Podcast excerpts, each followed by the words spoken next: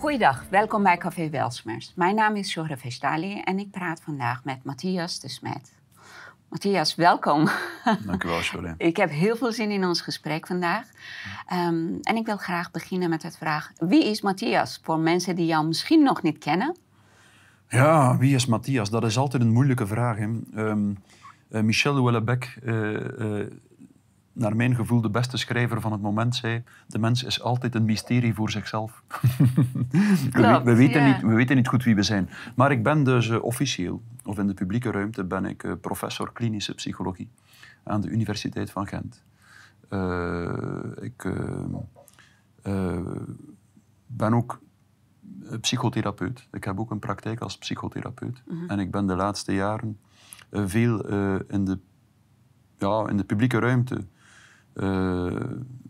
gekomen met interviews en podcasts omtrent het fenomeen massavorming en totalitarisme, waar ik nu ook een boek over geschreven heb. Ja, ik heb, ik heb het mogen ontvangen en ik heb heel veel interesse om, te begin, nou, om het te lezen. Ik ga hem zeker doen, ja.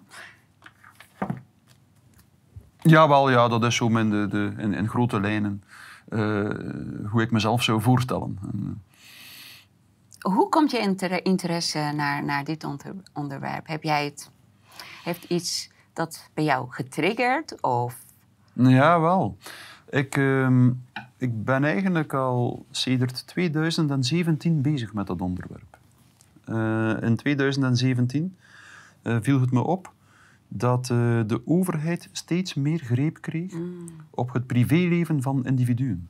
En in het bijzonder misschien sedert uh, 9-11, denk ik, uh, zien we gestaag hoe, hoe de overheid eh, een steeds belangrijkere rol speelt, steeds groter wordt Ja. en, en steeds meer controle uitoefent, technologische controle, over eh, de bevolking, quasi wereldwijd. En dat fenomeen was mij al lang aan het opvallen en in rond 2017 ben ik stelselmatig notities beginnen maken erover. Uh, en beginnen lezen ook. Uh, ik heb auteurs gelezen, vooral, zoals vooral uh, Hannah Arendt, Gustave Le Bon, um, Meerlo, die allemaal over het fenomeen van massavorming, de opkomst van de massa gedurende de laatste paar eeuwen, geschreven hebben, hebben en over het eraan gelinkte fenomeen van het, van, van het totalitarisme of de totalitaire staat. Uh, dus sinds 2017 ben ik daar notities over gaan maken. En tijdens de coronacrisis uh, dacht ik van ja, nu wordt het echt tijd om mijn gedachten te ordenen en samen te vatten, samen te brengen in een boek. En ik heb dat dus eind vorig jaar ook effectief gedaan en, en, en, een, en, een, dergelijk boek afgeleverd. En het ligt hier nu dus voor ons op tafel. Ja. ja. Oké, okay. jij bent een expert in dat uh, opzicht. Je hebt daarvoor gestudeerd, je hebt ervaringen, je hebt mensen meegemaakt, je, je, dingen vallen jou snel op.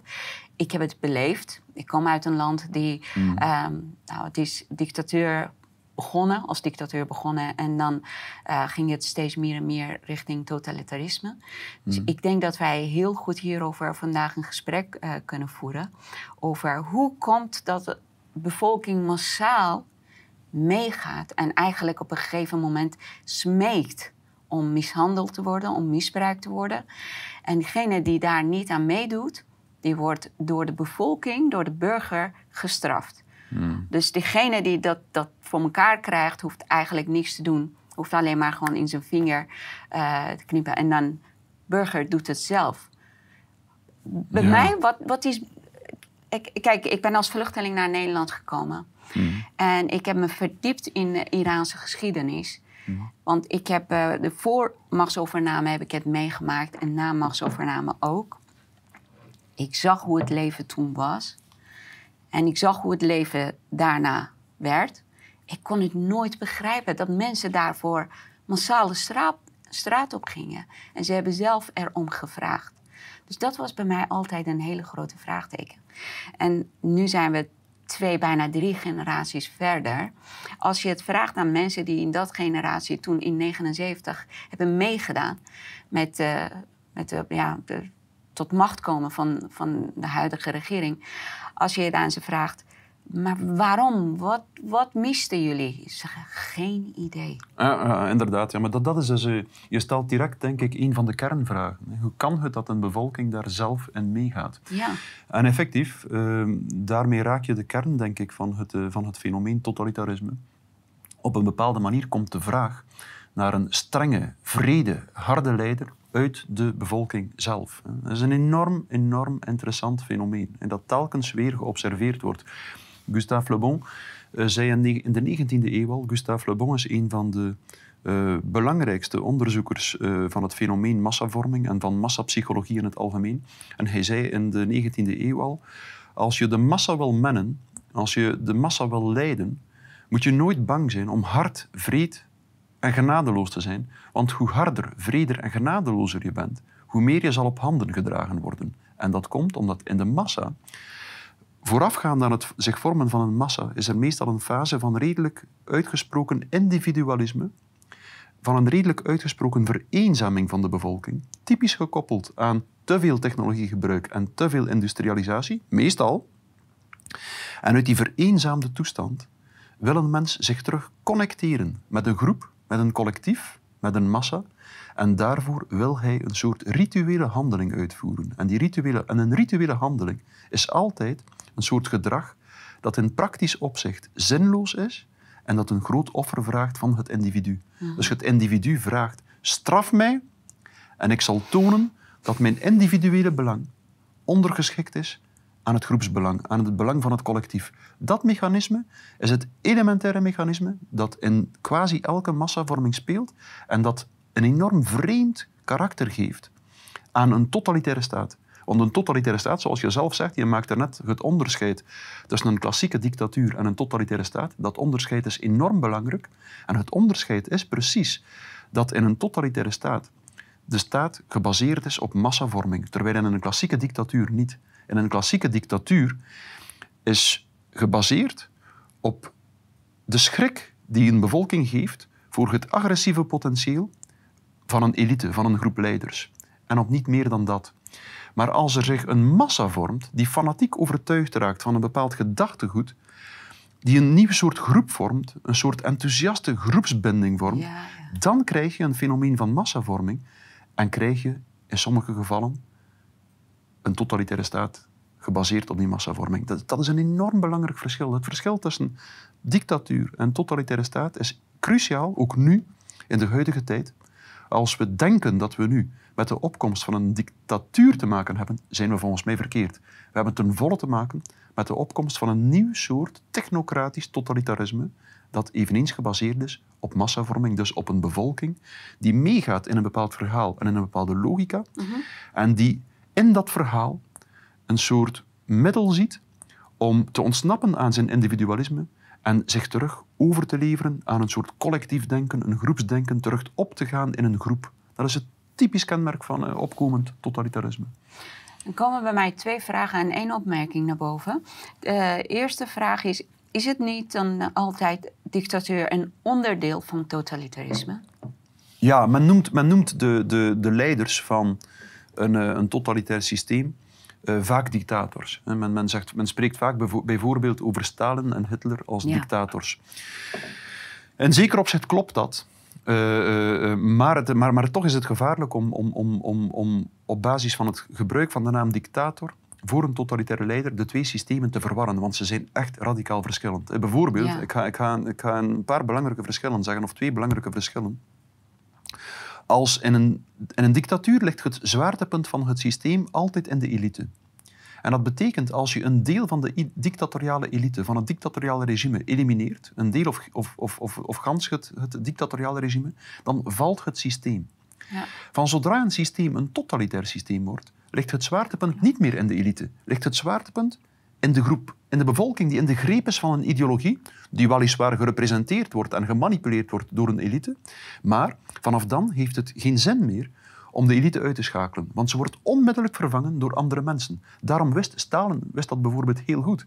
Hij kon, hij kon zonder problemen 60% van zijn eigen communistische partij liquideren het systeem ging gewoon door. Ze werden gewoon vervangen door anderen en de trein reed verder.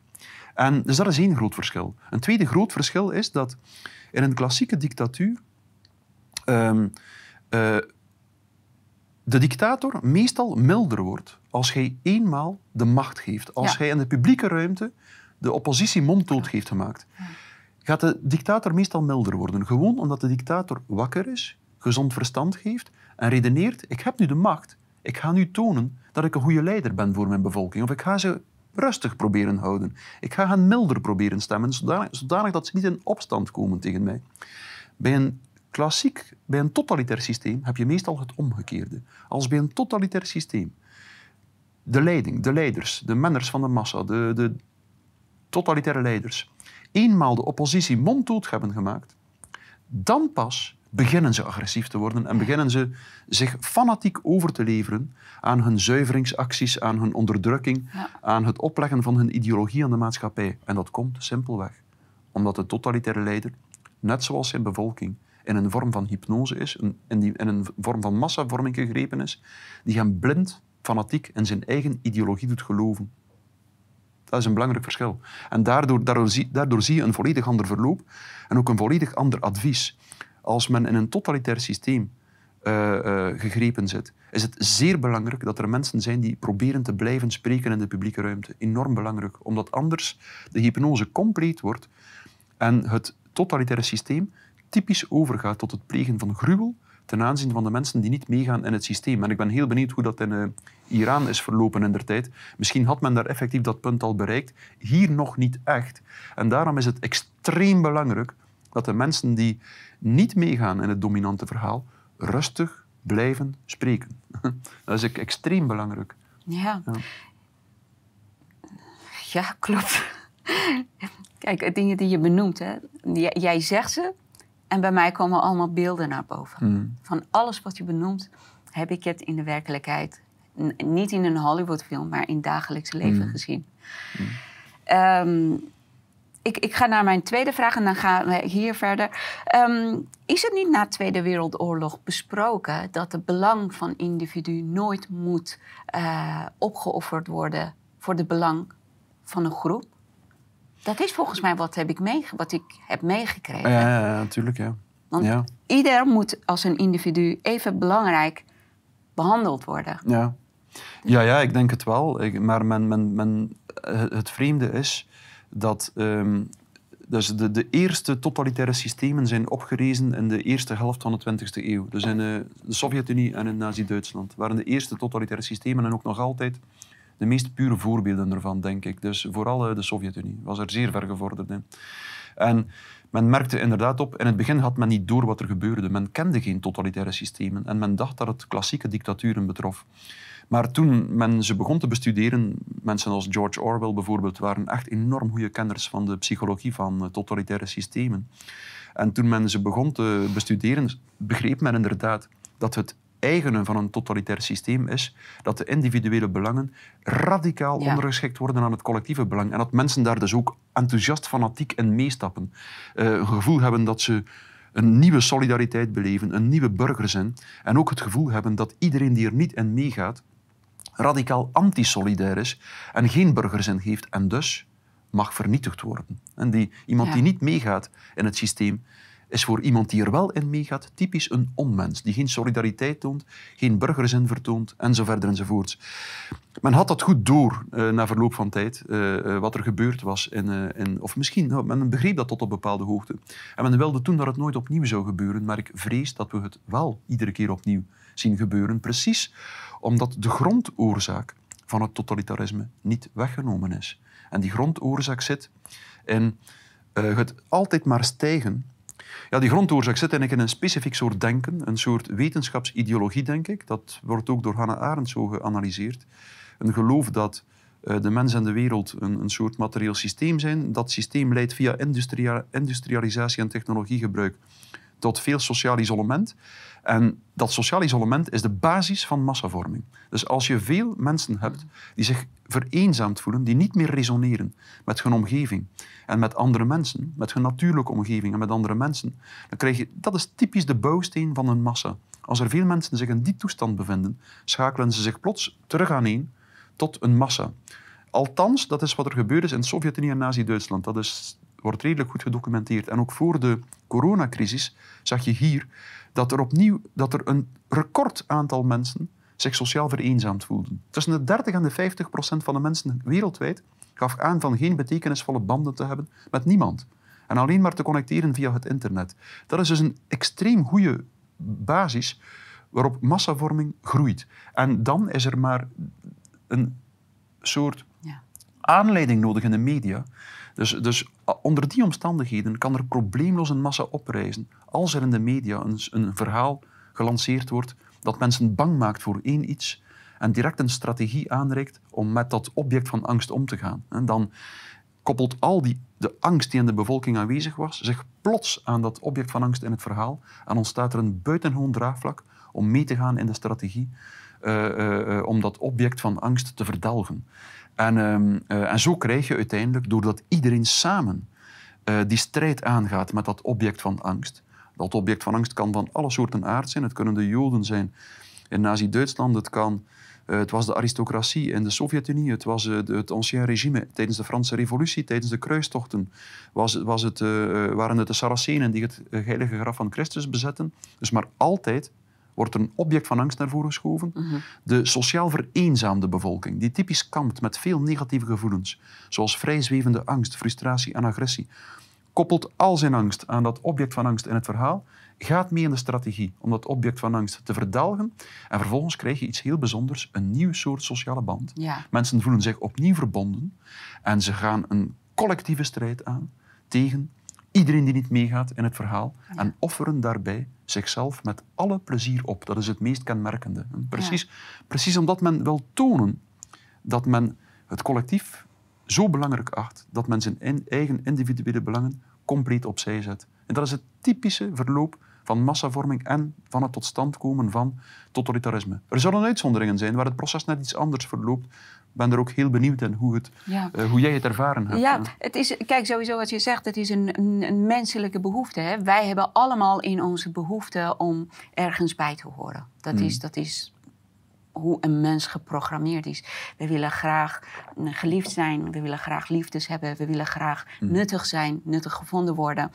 En als dat, verwaar, als dat gevoel, dat basisbehoefte verwaardeloosd is, als jij, zelfs als het nep is, maar het gevoel krijgt dat jij ergens bij kan horen, maar dan moet je een bepaalde gedrag aantonen, dan ga je mee.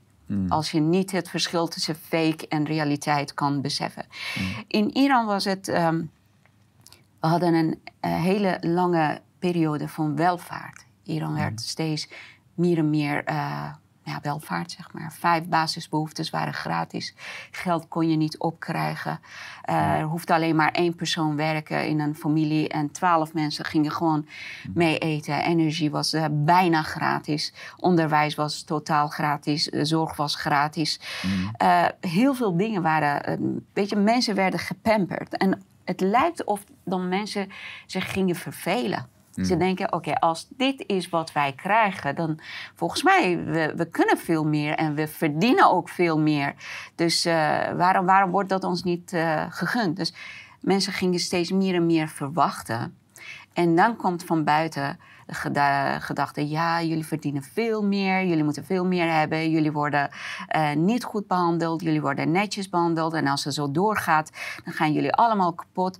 Voor jullie hebben het gewoon in deze wereld hebben jullie het goed, maar andere wereld, foei, staat een hele, weet ik veel, heftige vuur op jullie te wachten.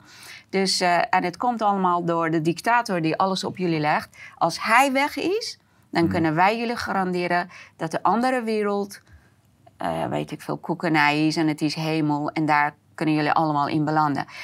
En wat ik niet snap is dat mensen die allemaal, eh, ze waren, hij heeft vrouwen bevrijd in Iran. Hij heeft vrouwen ook gewoon gelijke rechten gegeven als mannen. Spreek je over Khomeini nu? Eh, over eh, toen Shah. Shah. De Shah, Shah, ja.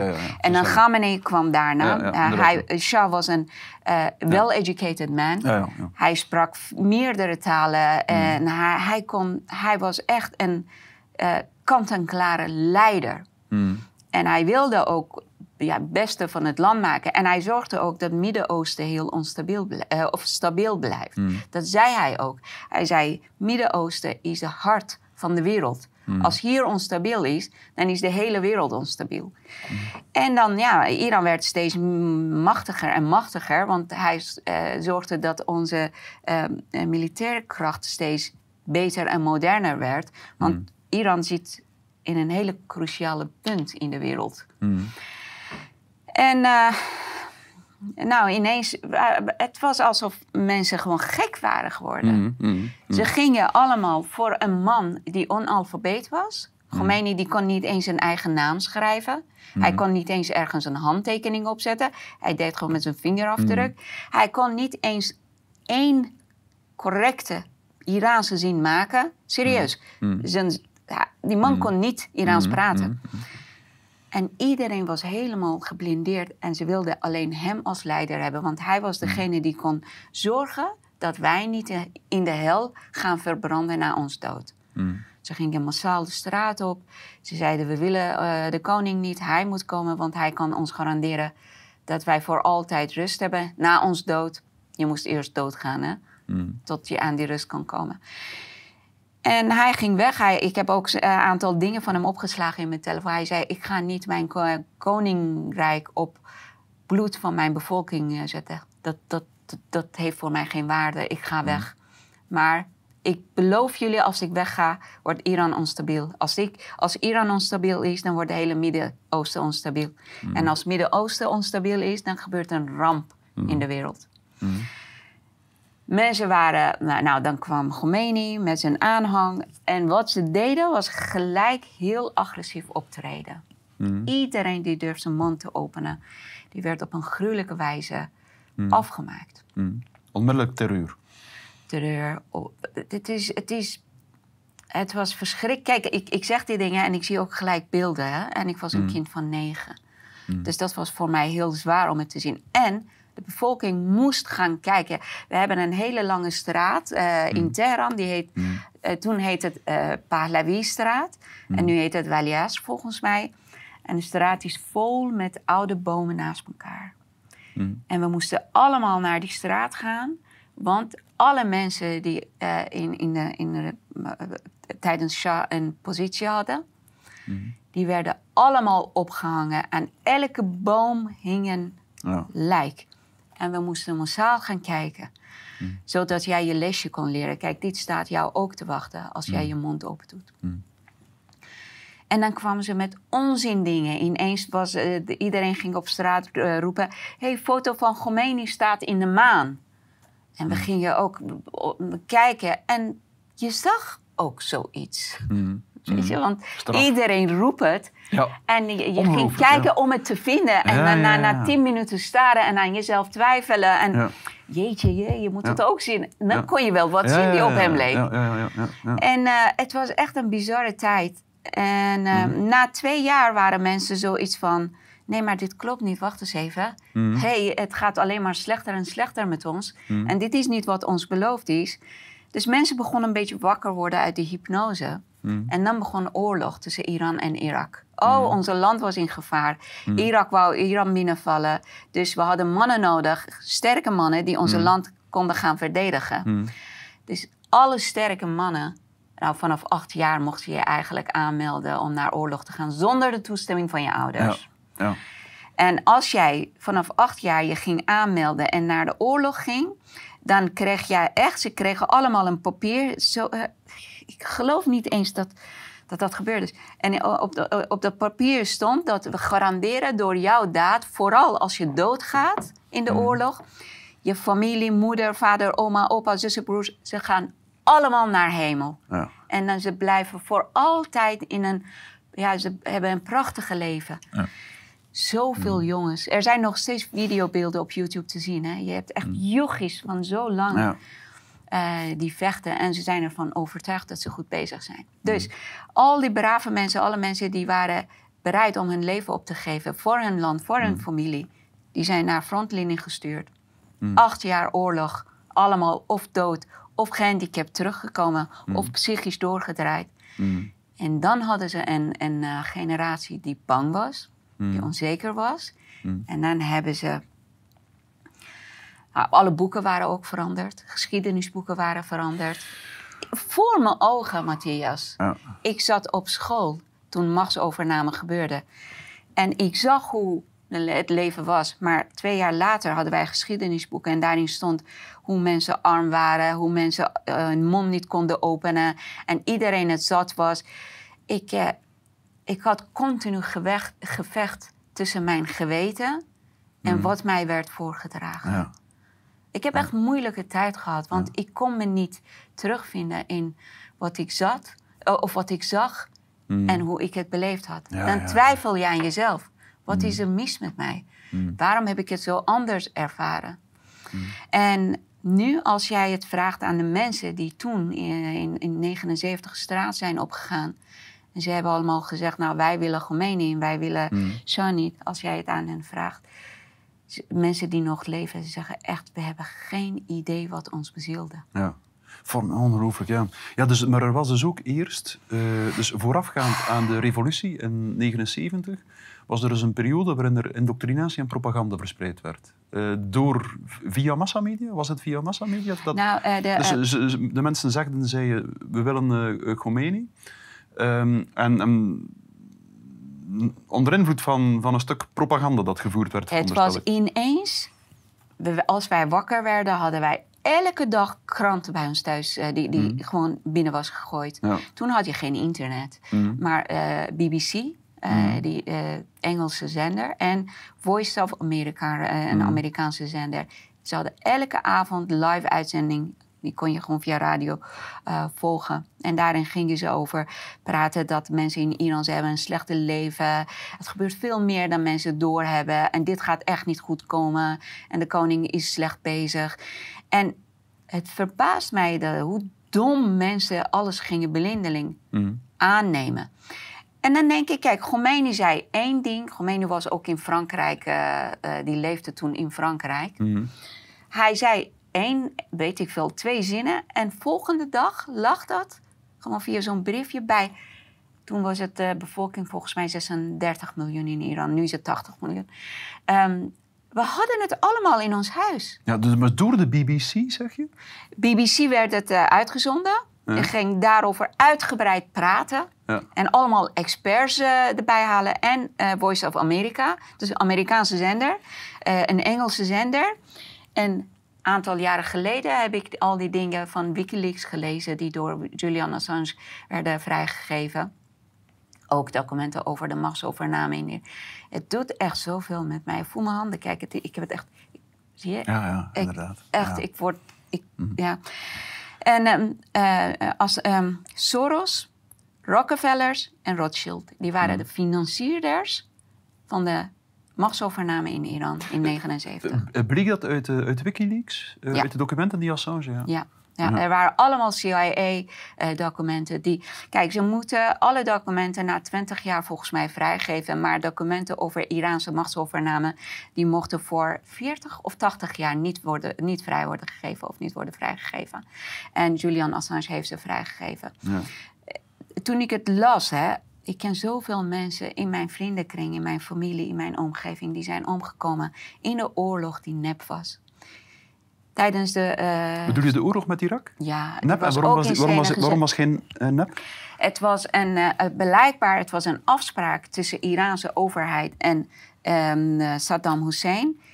In opdracht van Rockefellers, Rothschild en Soros. Om zo'n oorlog te creëren.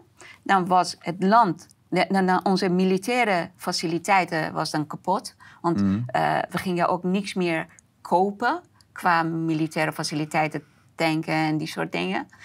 En economie was kapot, die kon kapot gaan, want Iran had een ijzersterke economie.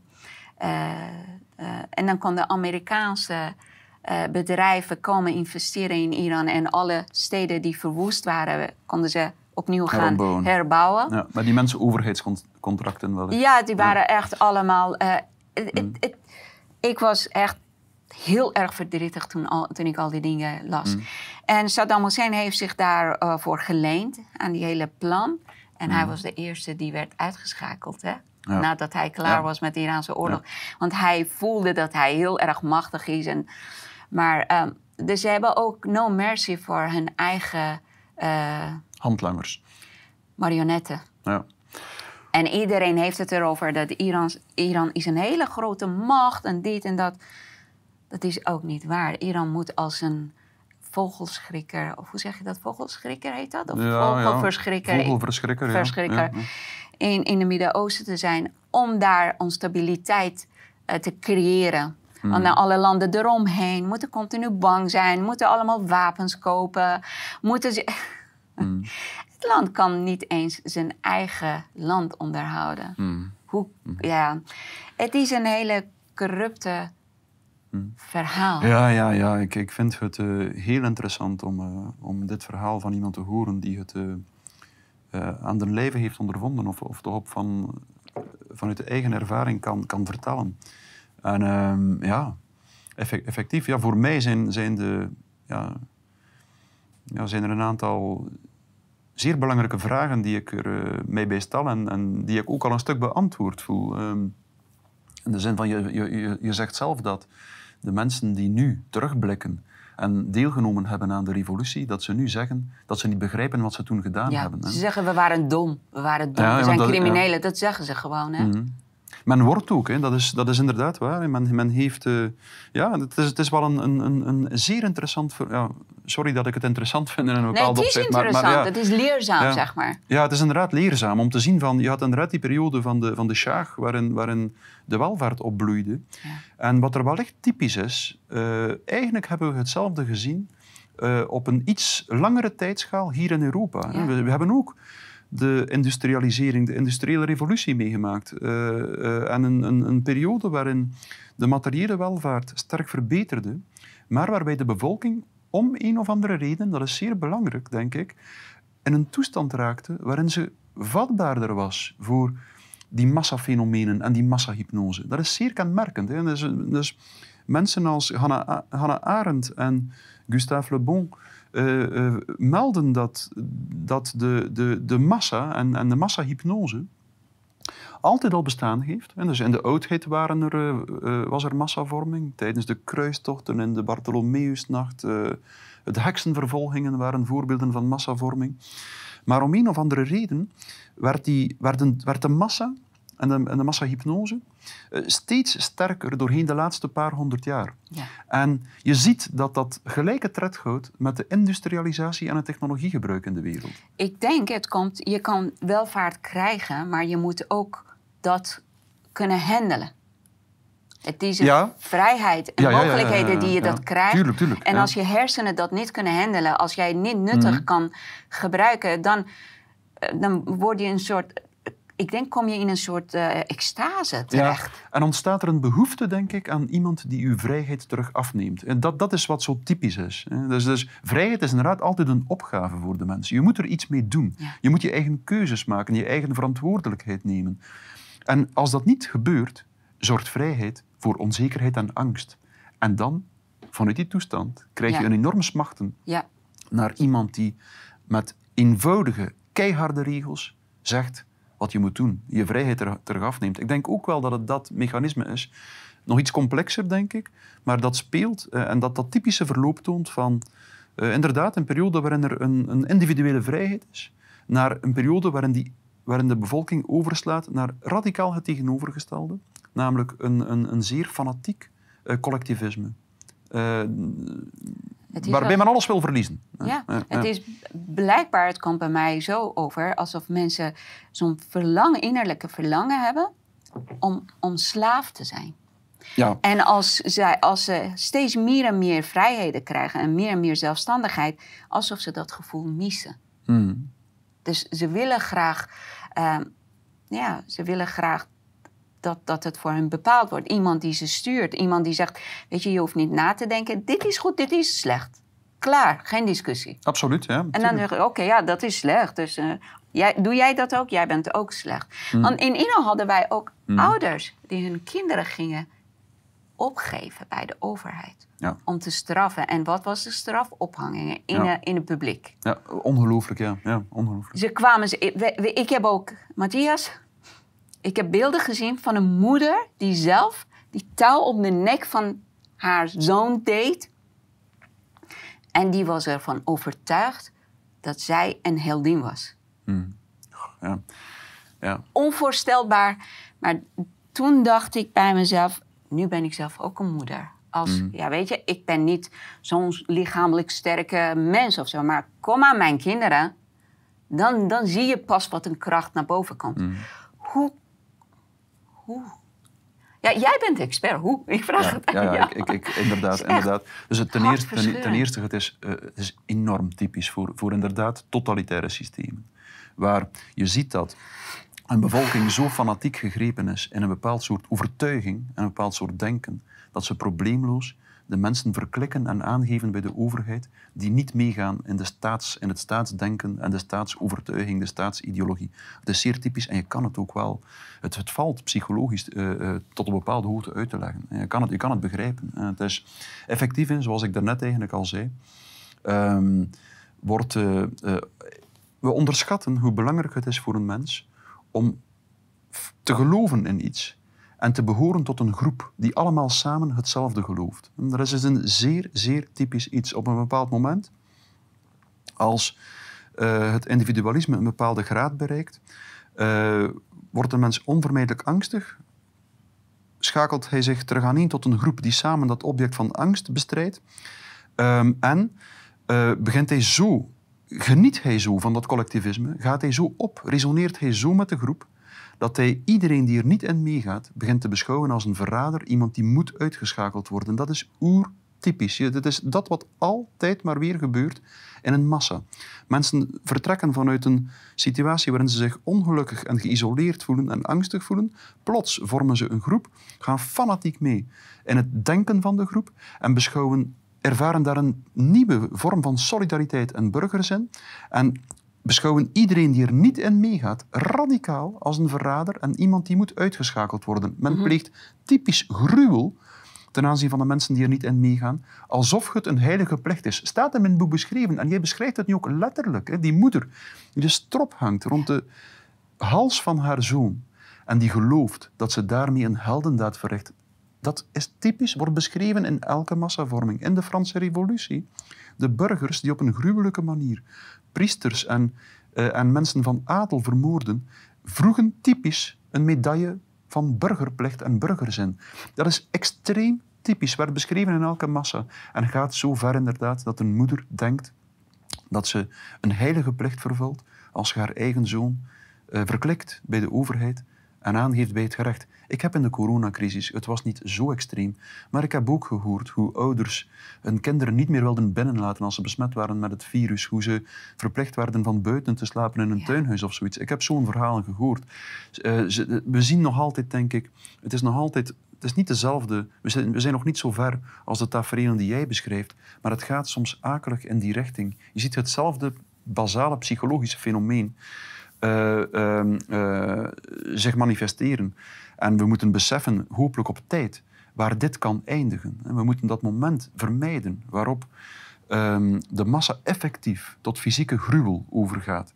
Want op dat moment wordt de massa onstopbaar.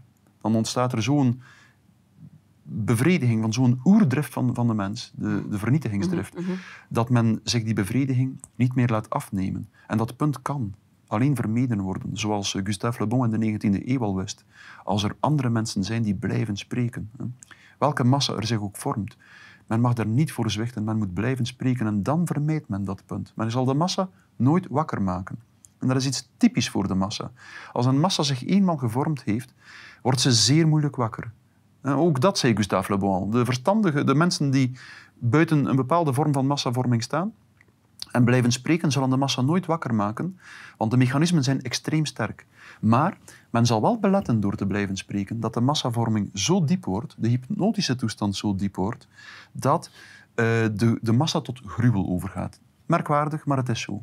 Dus dat moet vermeden worden. Dat is het in allen tijden. En het voorbeeld dat je geeft is werkelijk... eh, dus we hebben er niet op voorhand over gesproken. Nee. Hè? We hebben er niet, dus, dus, maar het is een type voorbeeld, zoals een aantal voorbeelden die ik in mijn boek eh, beschreven heb. Ja.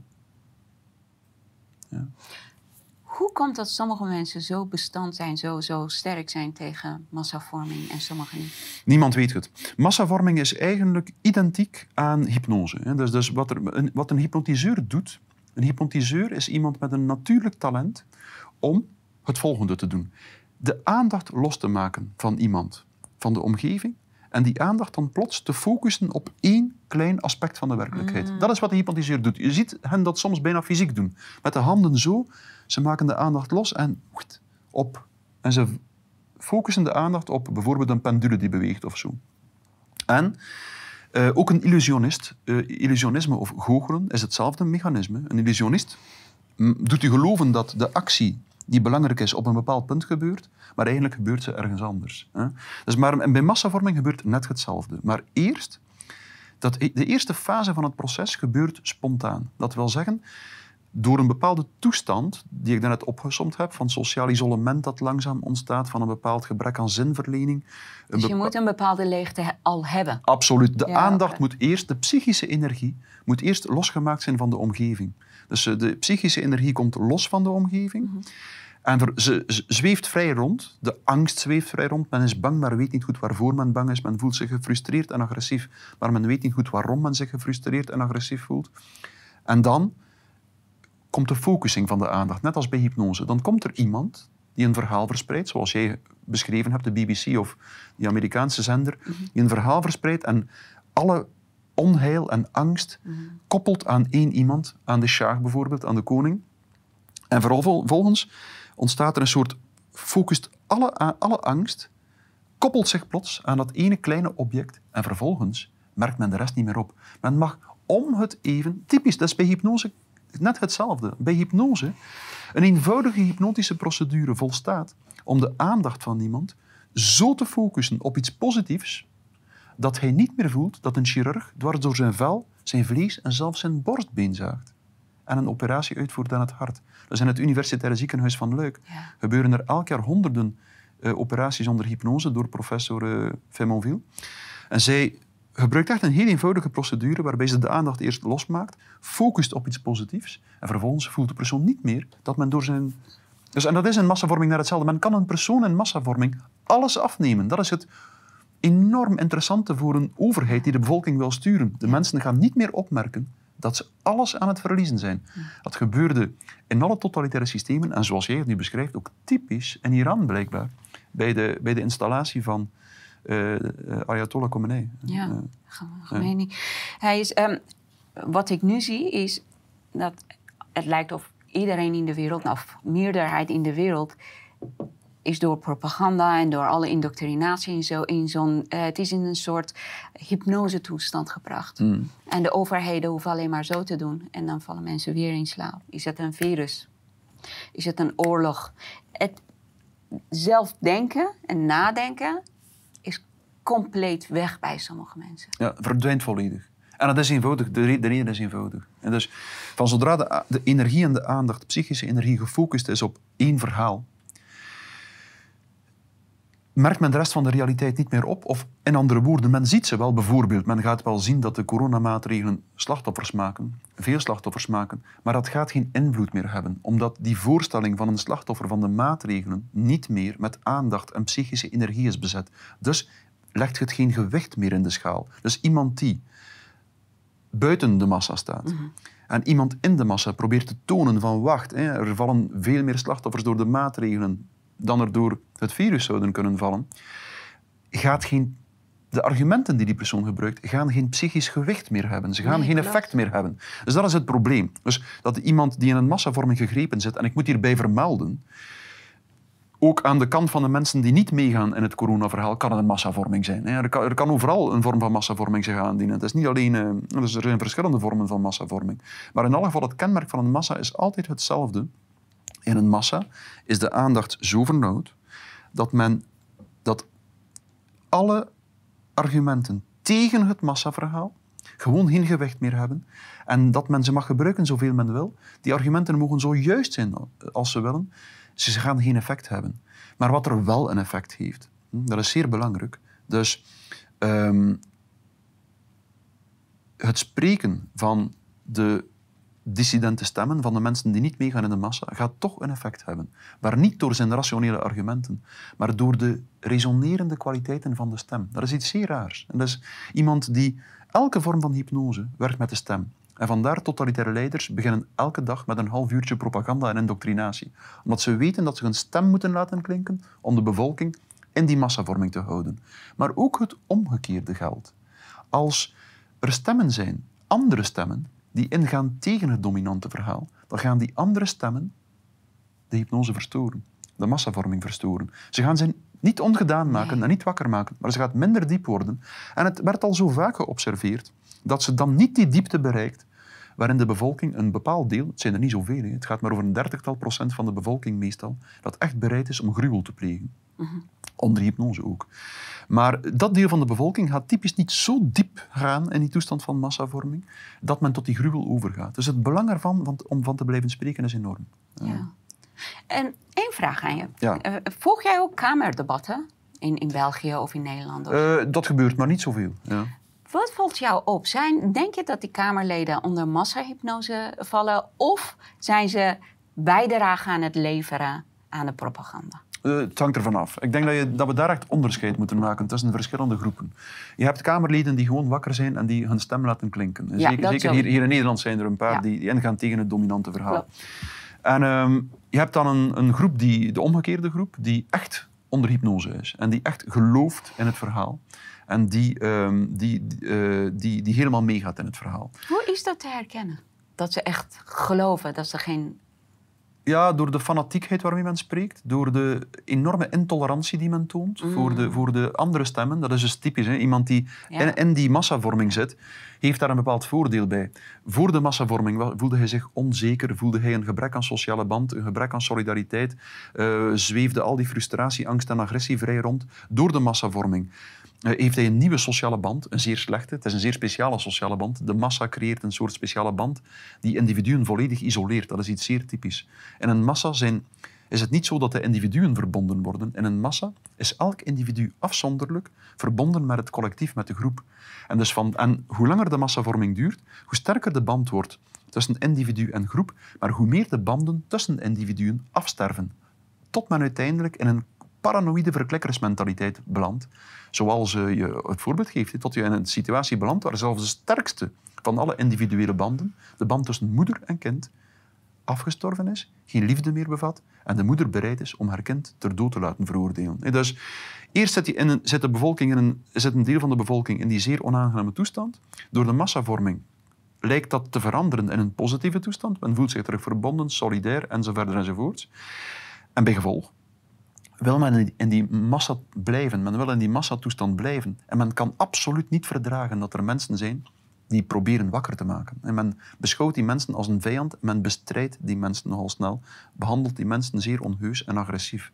Dat is het typische... eh, eh, dus de mensen die echt in de hypnose zitten, zijn meestal de mensen die ook publiek eh, die, die intolerantie en een bepaalde haat ten aanzien van dissonante stemmen gaan tonen. Dat is één groep. Daarnaast is er nog een andere groep die ehm, eh, gewoon weet dat er iets niet klopt in het verhaal, maar die zwijgt en die nooit ingaat tegen de massa, tegen de stroom. Dat is de grootste groep meestal. 50 à 60 procent, zo beslaat dat meestal. Dan is er een kleinere groep die weet dat er iets niet klopt en het ook wil zeggen en, en er ook iets aan wil doen. En dus de massa zelf is misschien de belangrijkste groep in deze die echt in, in het fenomeen van de massavorming gegrepen is.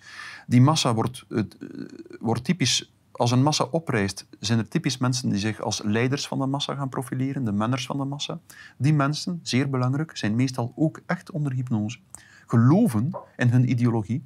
Eh, Khomeini zal waarschijnlijk geloofd hebben in zijn eigen ideologie, in zijn eigen ideeëngoed, zal er wel echt fanatiek in geloofd hebben. Maar de, de echte manners van de massa, die publiek de massa mennen, zijn, geloven bijna altijd fanatiek in het soort denken dat ze vertegenwoordigen. Maar ze geloven meestal, of heel vaak, sommigen van hen althans, geloven niets van de verhalen die ze gebruiken. Ze beseffen, ze geloven dat hun gedachtegoed en hun soort denken eh, de oplossing is en, en, en het ultieme paradijs gaat creëren op aarde, dat, dat dat de redding is van de maatschappij. Maar ze permitteren het zich om daarvoor alle soorten verhalen te gebruiken waarmee ze de massa manipuleren, de bevolking voorliegen en proberen te sturen in de richting van hun geliefkoosde of eh, van de maatschappij die zij willen gerealiseerd zien. Dus er is daar een belangrijk verschil tussen de ideologie of het soort denken van de leiders. Men gelooft fanatiek in de eigen ideologie of het eigen gedachtegoed als leider. Maar men gelooft meestal zeer weinig van de verhalen die men gebruikt om de bevolking zo ver te krijgen dat ze dat gedachtegoed aanvaarden. En dat is een zeer belangrijk verschil. Dan heb je natuurlijk ook nog de mensen achter de schermen, die niet zozeer de echte publieke menners van de massa zijn, maar die om alle soorten redenen uh, van achter de schermen uh, uh, ook proberen te sturen en, en, het, en het systeem in een bepaalde richting te sturen. En dat zijn natuurlijk de, in dat geval, in het voorbeeld van Iran, dat je nu geeft, mm -hmm. is dat de BBC en de... de, de, de en financierders. Ja, die, die, die, die bepaalde voordelen zien. Maar die niet de publieke menners van de massa zijn. En dat is een zeer belangrijk verschil. Ja, en wat mij ook opvalt is in elke totalitarisme... Ze, mensen die als marionetten ingezet worden... Uh, en die zijn ook heel erg fanatiek. Ze waren, daarvoor waren ze eigenlijk niks of niemand. Mm. En ineens krijgen ze zo'n belangrijke positie met zoveel mm. macht en aandacht. Mm. Nou, allereerst komen ze in zo'n hypnose dat, oh, dit, dit was ik wel waard en ik had het niet eens door. Ja. Ten tweede, om dat macht en positie te behouden, gaan ze over de lijken. Ja. Dan zien ze de waarheid niet, zien ze de menselijkheid niet. Absoluut. Zien ze, dus, en, en als je in hun ogen kijkt, dan zie je 0,0% teken van mens zijn. Mm. Het is alsof je tegen. Kijk, de ogen zijn. Ja. De, de, ja hoe zeg je dat? Spiegels van de ziel. Ja. ja. als jij in hun ogen kijkt, het is alsof er gewoon daarachter een lege zwarte ja, ruimte ja, is. inderdaad, inderdaad. Ja. Maar dat, dat, is, dat is typisch, omdat de, de totalitaire leider uh, is iemand die zo fanatiek gelooft in zijn ideologie dat hij die genadeloos en ijzerhard oplegt aan de maatschappij. Stalin zei dat letterlijk. Uh, het is een kwestie, zei hij, van uh, de, de dialectische logica genadeloos door te voeren. Hitler zei ook, je moet rukzichtloos je theorie opleggen aan de maatschappij, zei hij. Dus men gelooft letterlijk, daar komt het woord totalitarisme ook vandaan, dat de eigen theorie de totale verklaring biedt uh, en de totale oplossing biedt voor alle problemen. Dat die theorie dus totaal moet opgelegd worden. En vandaar, als je ijzerhard een bepaalde logica volgt, verlies je je eigen ziel. En krijg je typisch de ontzielde ogen. De, ja. Ja. En hoe wordt het nu, want uh, we horen hem de laatste tijd ook steeds vaker en vaker, dat mensen zijn hackable. er zijn gewoon, ja, het is geen conspiracy theorie meer. Hmm. Uh, je kan makkelijk gemanipuleerd worden door reclames, door Hmm. stoffen in de lucht, door wat jij op je televisie of je op de scherm van je telefoon ziet. Um, tot hoeverre zijn wij nog te redden?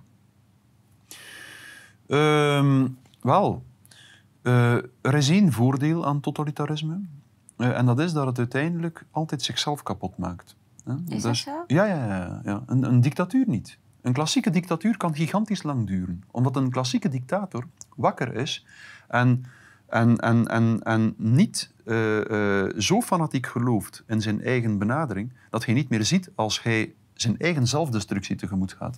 Een totalitair systeem vernietigt altijd zichzelf. Altijd. De massa vernietigt altijd zichzelf. Dat is een geruststelling. Maar uh, het punt is dat de mensen die niet meegaan in de massavorming die periode moeten overleven waarin het totalitaire systeem ophang maakt. En dat is het punt. En, en, en daar, daar komt het precies op aan. Dus als die groep een pad wil openhouden om te blijven bestaan, moet hij opnieuw, het is de vierde keer al dat ik het zeg, maar moet hij blijven spreken. En dat is het punt.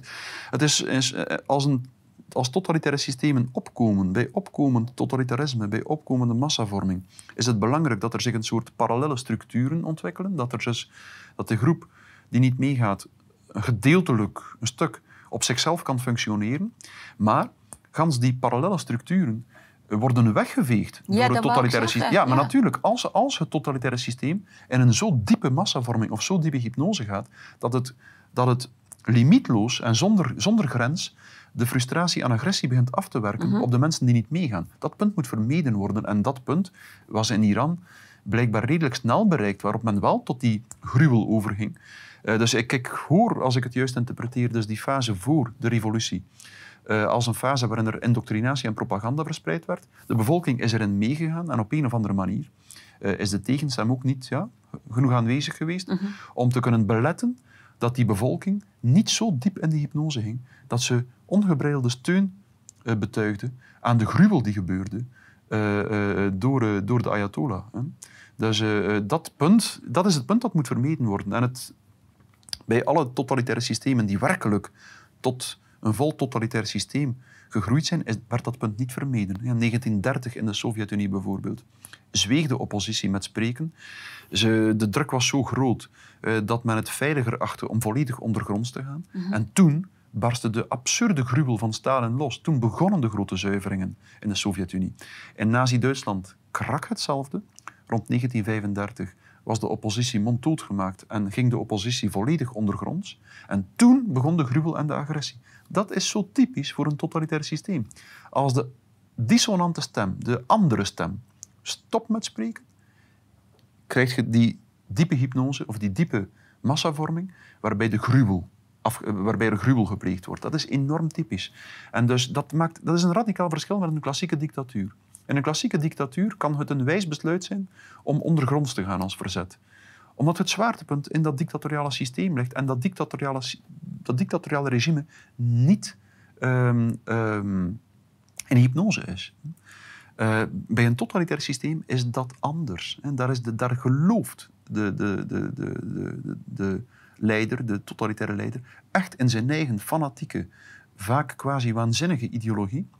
En als hij geen andere stem meer hoort, ook de leider zelf, hè, gaat hij steeds dieper erin geloven. En gaat hij uiteindelijk overtuigd raken dat hij de, iedereen die niet meedoet moet liquideren, uitroeien en, en, uh, en vernietigen. Dat is het typische van een totalitair denken en een totalitair systeem. Oké. Okay.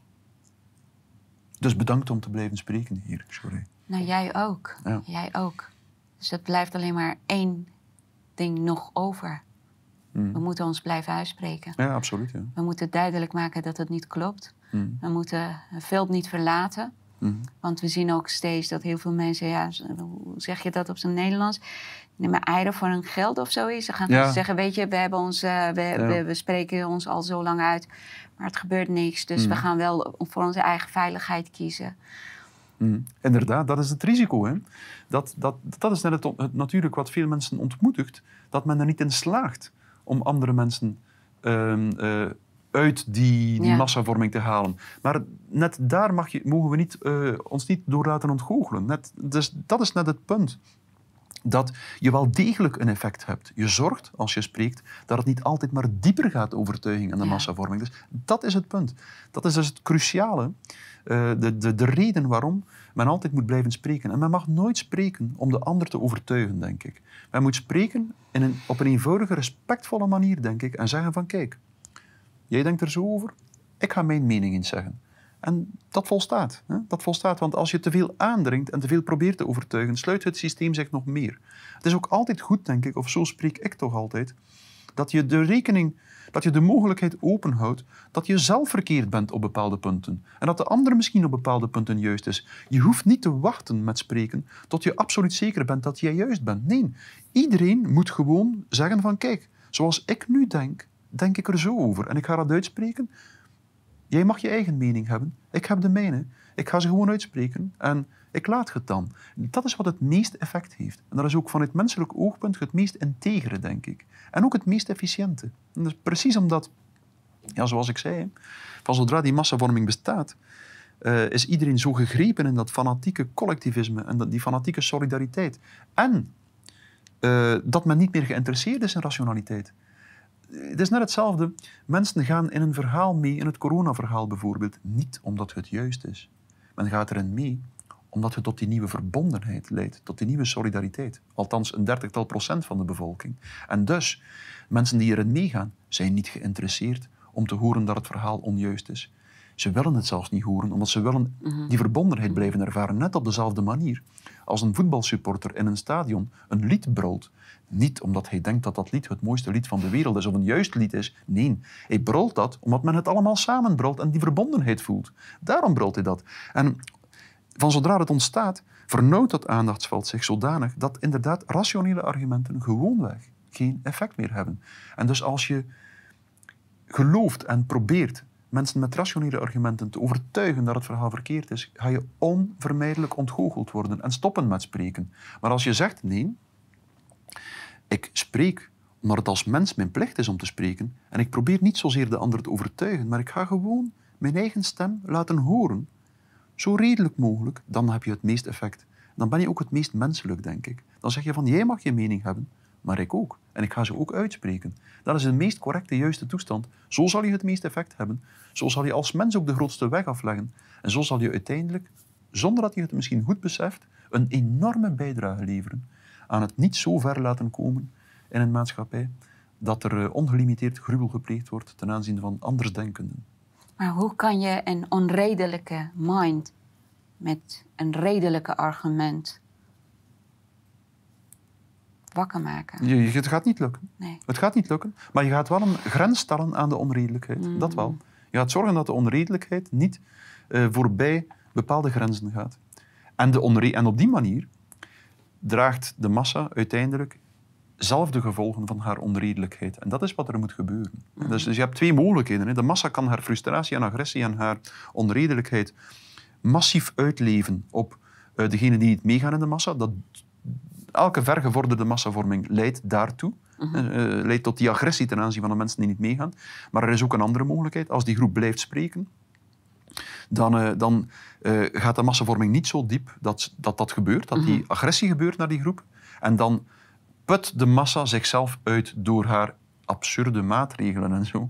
Put ze zichzelf uit tot ze het dus maatschappelijk minder impact gaat hebben dan de groep die niet meegaat. Dus dat is wat er moet gebeuren. En er moet op die manier een weg opengehouden worden. Ja.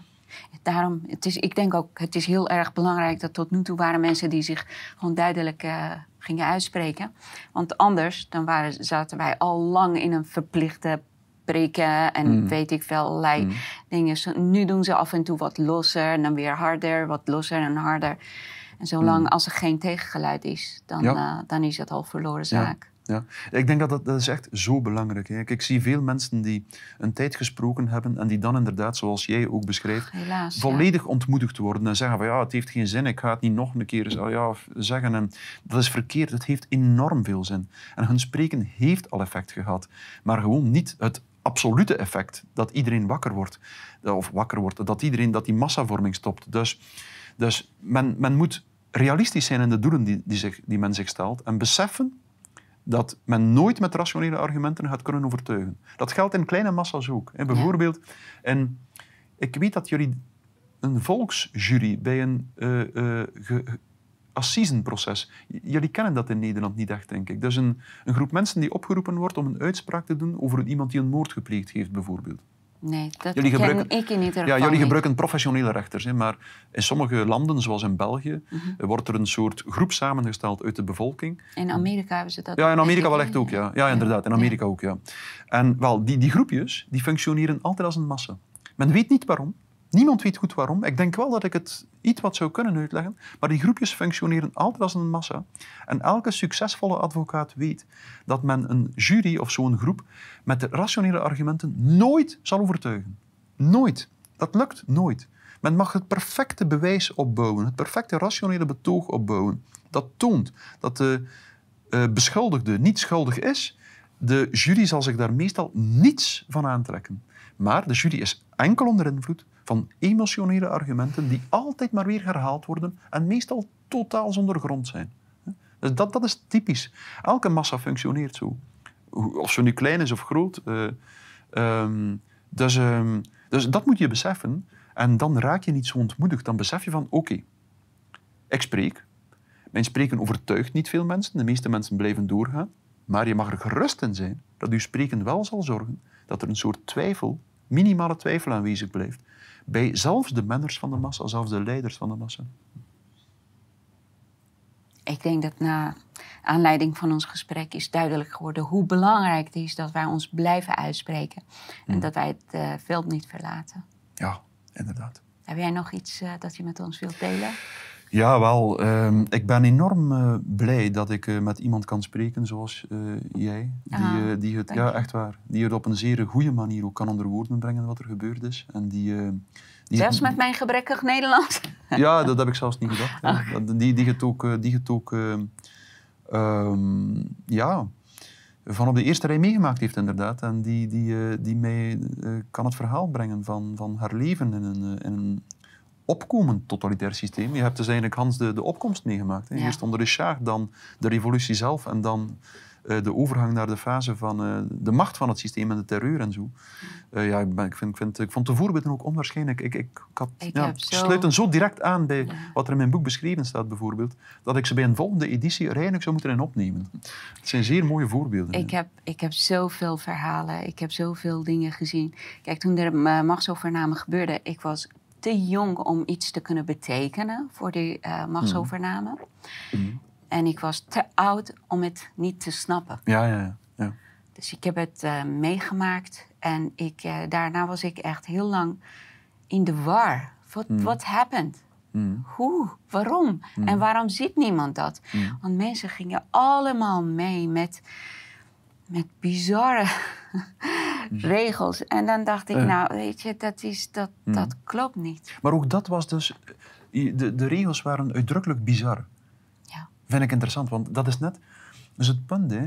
Dus veel mensen denken dat als de coronamaatregels nog absurder worden of nog meer bizar worden, dat men, dat men zal wakker worden. En dat is totaal niet waar. Oh, Want- dat zeg ik al vanaf het begin. Nee, Ja. dan komen mensen in een soort overlevingstoestand. Ja. Ze gaan alles doen om te overleven. Nadenken en vrij zijn wordt een luxe. Ik denk dat het Mhm. op dat moment geen prioriteit heeft. Ja. Als, jij, als jij al heel erg honger hebt, ga je Mhm. echt niet denken... oh, ik ga mijn bord heel goed versieren en mooi maken en kaars. Nee, je wil alleen maar eten om uit dit gevoel te komen. Ja. In Iran was het zo dat als een jongen en meisje met elkaar, die geen bloedverwanten waren, als ze met elkaar gingen praten, dan gingen ze gegarandeerd naar de hel. Mm. En ook al hun families, dus moeder, Mm. vader, want ze waren ook gefaald blijkbaar in de opvoeding van hun kinderen. Dus wat gebeurde er? Als je op straat gezien werd door eh, zichtbaar en onzichtbare surveillance mensen die daar liepen, ook in normale kleding, ze liepen overal. Als ze zagen dat er een jongen en meisje naar elkaar glimlachten of Mm. wat dan ook, die twee werden gelijk opgepakt. Ze werden naar het bureau gebracht en daar werden ze eh, vanaf meiden vanaf acht jaar, jongens vanaf twaalf jaar, die mochten gaan trouwen. Dus eh, ze gingen gewoon als man en vrouw verklaard. En eh, om te zorgen dat ze, als ze het bureau verlaten, daarna niet eh, gaan scheiden, dan moest die jongen, de zoon, die man, of de jongen, die moest zijn rechterarm als borg benoemen in de huwelijksvoorwaarden. Ja. Ja. Dat als hij gaat Mocht hij scheiden, worden. ja, die mocht afgehaakt Ja. worden. Dus hoe bizar is ja, dat? ongelooflijk, Maar ze vonden het allemaal heel logisch, want ja, anders, weet je. Mm. Ja, ongelooflijk. ik, ik las het in je boeken trouwens, een, Ja. een, een mooi boek. Een, een, een, een lepend verhaal ook. eh, dat, eh, ja, een dramatisch verhaal ook in veel opzichten. Maar ik, eh, ik zit nu aan hoofdstuk 6, dacht ik. Ik ben erin beginnen lezen. Ik kan niet wachten om verder te lezen. Ehm, Het is bizar hoe je gestraft kan worden vanwege Mm. hoe je je voelt. wat ik me afvraag. Shorey, is van... Wisselden de regels ook voortdurend? Ja, Ja. dat is ook typisch voor Het ja, het was gewoon, vandaag was het zo en morgen was het, als je het zo deed, dan werd je juist gestraft. Ja. En volgende week, je wist nooit wat je goed doet. Nee, nee, nee, inderdaad. Ja. Je, ja. je, je moest continu op je tenen lopen. ja. En die onzekerheid, want dan was je gewoon bang voor je eigen veiligheid. Dan Mm. denk je aan niks anders eigenlijk. Ja. Je probeert, het enige wat je doet, is proberen veilig te blijven en ook je dierbaren veilig houden. En dat is ook de toestand die land nu belandt. Kijk, Iran is een mooi land, echt een prachtig land met het meest gastvrije mensen. Mensen zijn zo warm en zo lief en zo gevig. Maar door wat, wat daar heerst, de afgelopen 44 jaar volgens mij, is, hoe lang is het? Vanaf 79 tot nu toe. Mensen, zijn, mensen hebben de hoop losgelaten. Weet je, ze zeggen, weet je wat? Overheid, doe wat je wil doen. We zorgen dat wij gewoon in onze familie gezellig hebben. Ik zorg dat ik rond kan komen. De rest boeit me niet. Ga gewoon maar stelen, maak het land leeg of kapot. Dat interesseert mij niet meer. Mm. Dus iedereen is zo eigenlijk geïsoleerd. Dat, eh, dat vrijheid en een normale leven is iets heel luxe en eh, onbereikbaar. Ja, ja. Maar daarom, als je gewoon bij ze gaat aankloppen, als mensen als gasten bij hen gaan eh, aankloppen, dan doen ze echt alles voor je. Want ja. het gevoel van samen zijn, lief, leuk. Ja, Jammer. ja, ja, ongelooflijk. ja, ja. ja. Ik, heb, ik heb veel geleerd. Ja, Ik ook. Ik, ik heb heel veel geleerd van jou. En ik dank je voor dit ja gesprek. dankjewel, Shirley. Ja, dank je wel. Mensen, ik denk dat het wordt steeds duidelijker dat wij ons moeten blijven uitspreken. We moeten laten zien dat het niet klopt. En we gaan niet mee met dingen die niet kloppen. Lenin zei volgens mij: uh, uh, vertrouwen is goed, controle is beter. Volgens mij vertrouwen is het allermooiste mm. dat je kan hebben in het leven. Want anders is leven gewoon een living hell. Ik dank jullie voor het kijken en graag tot de volgende keer.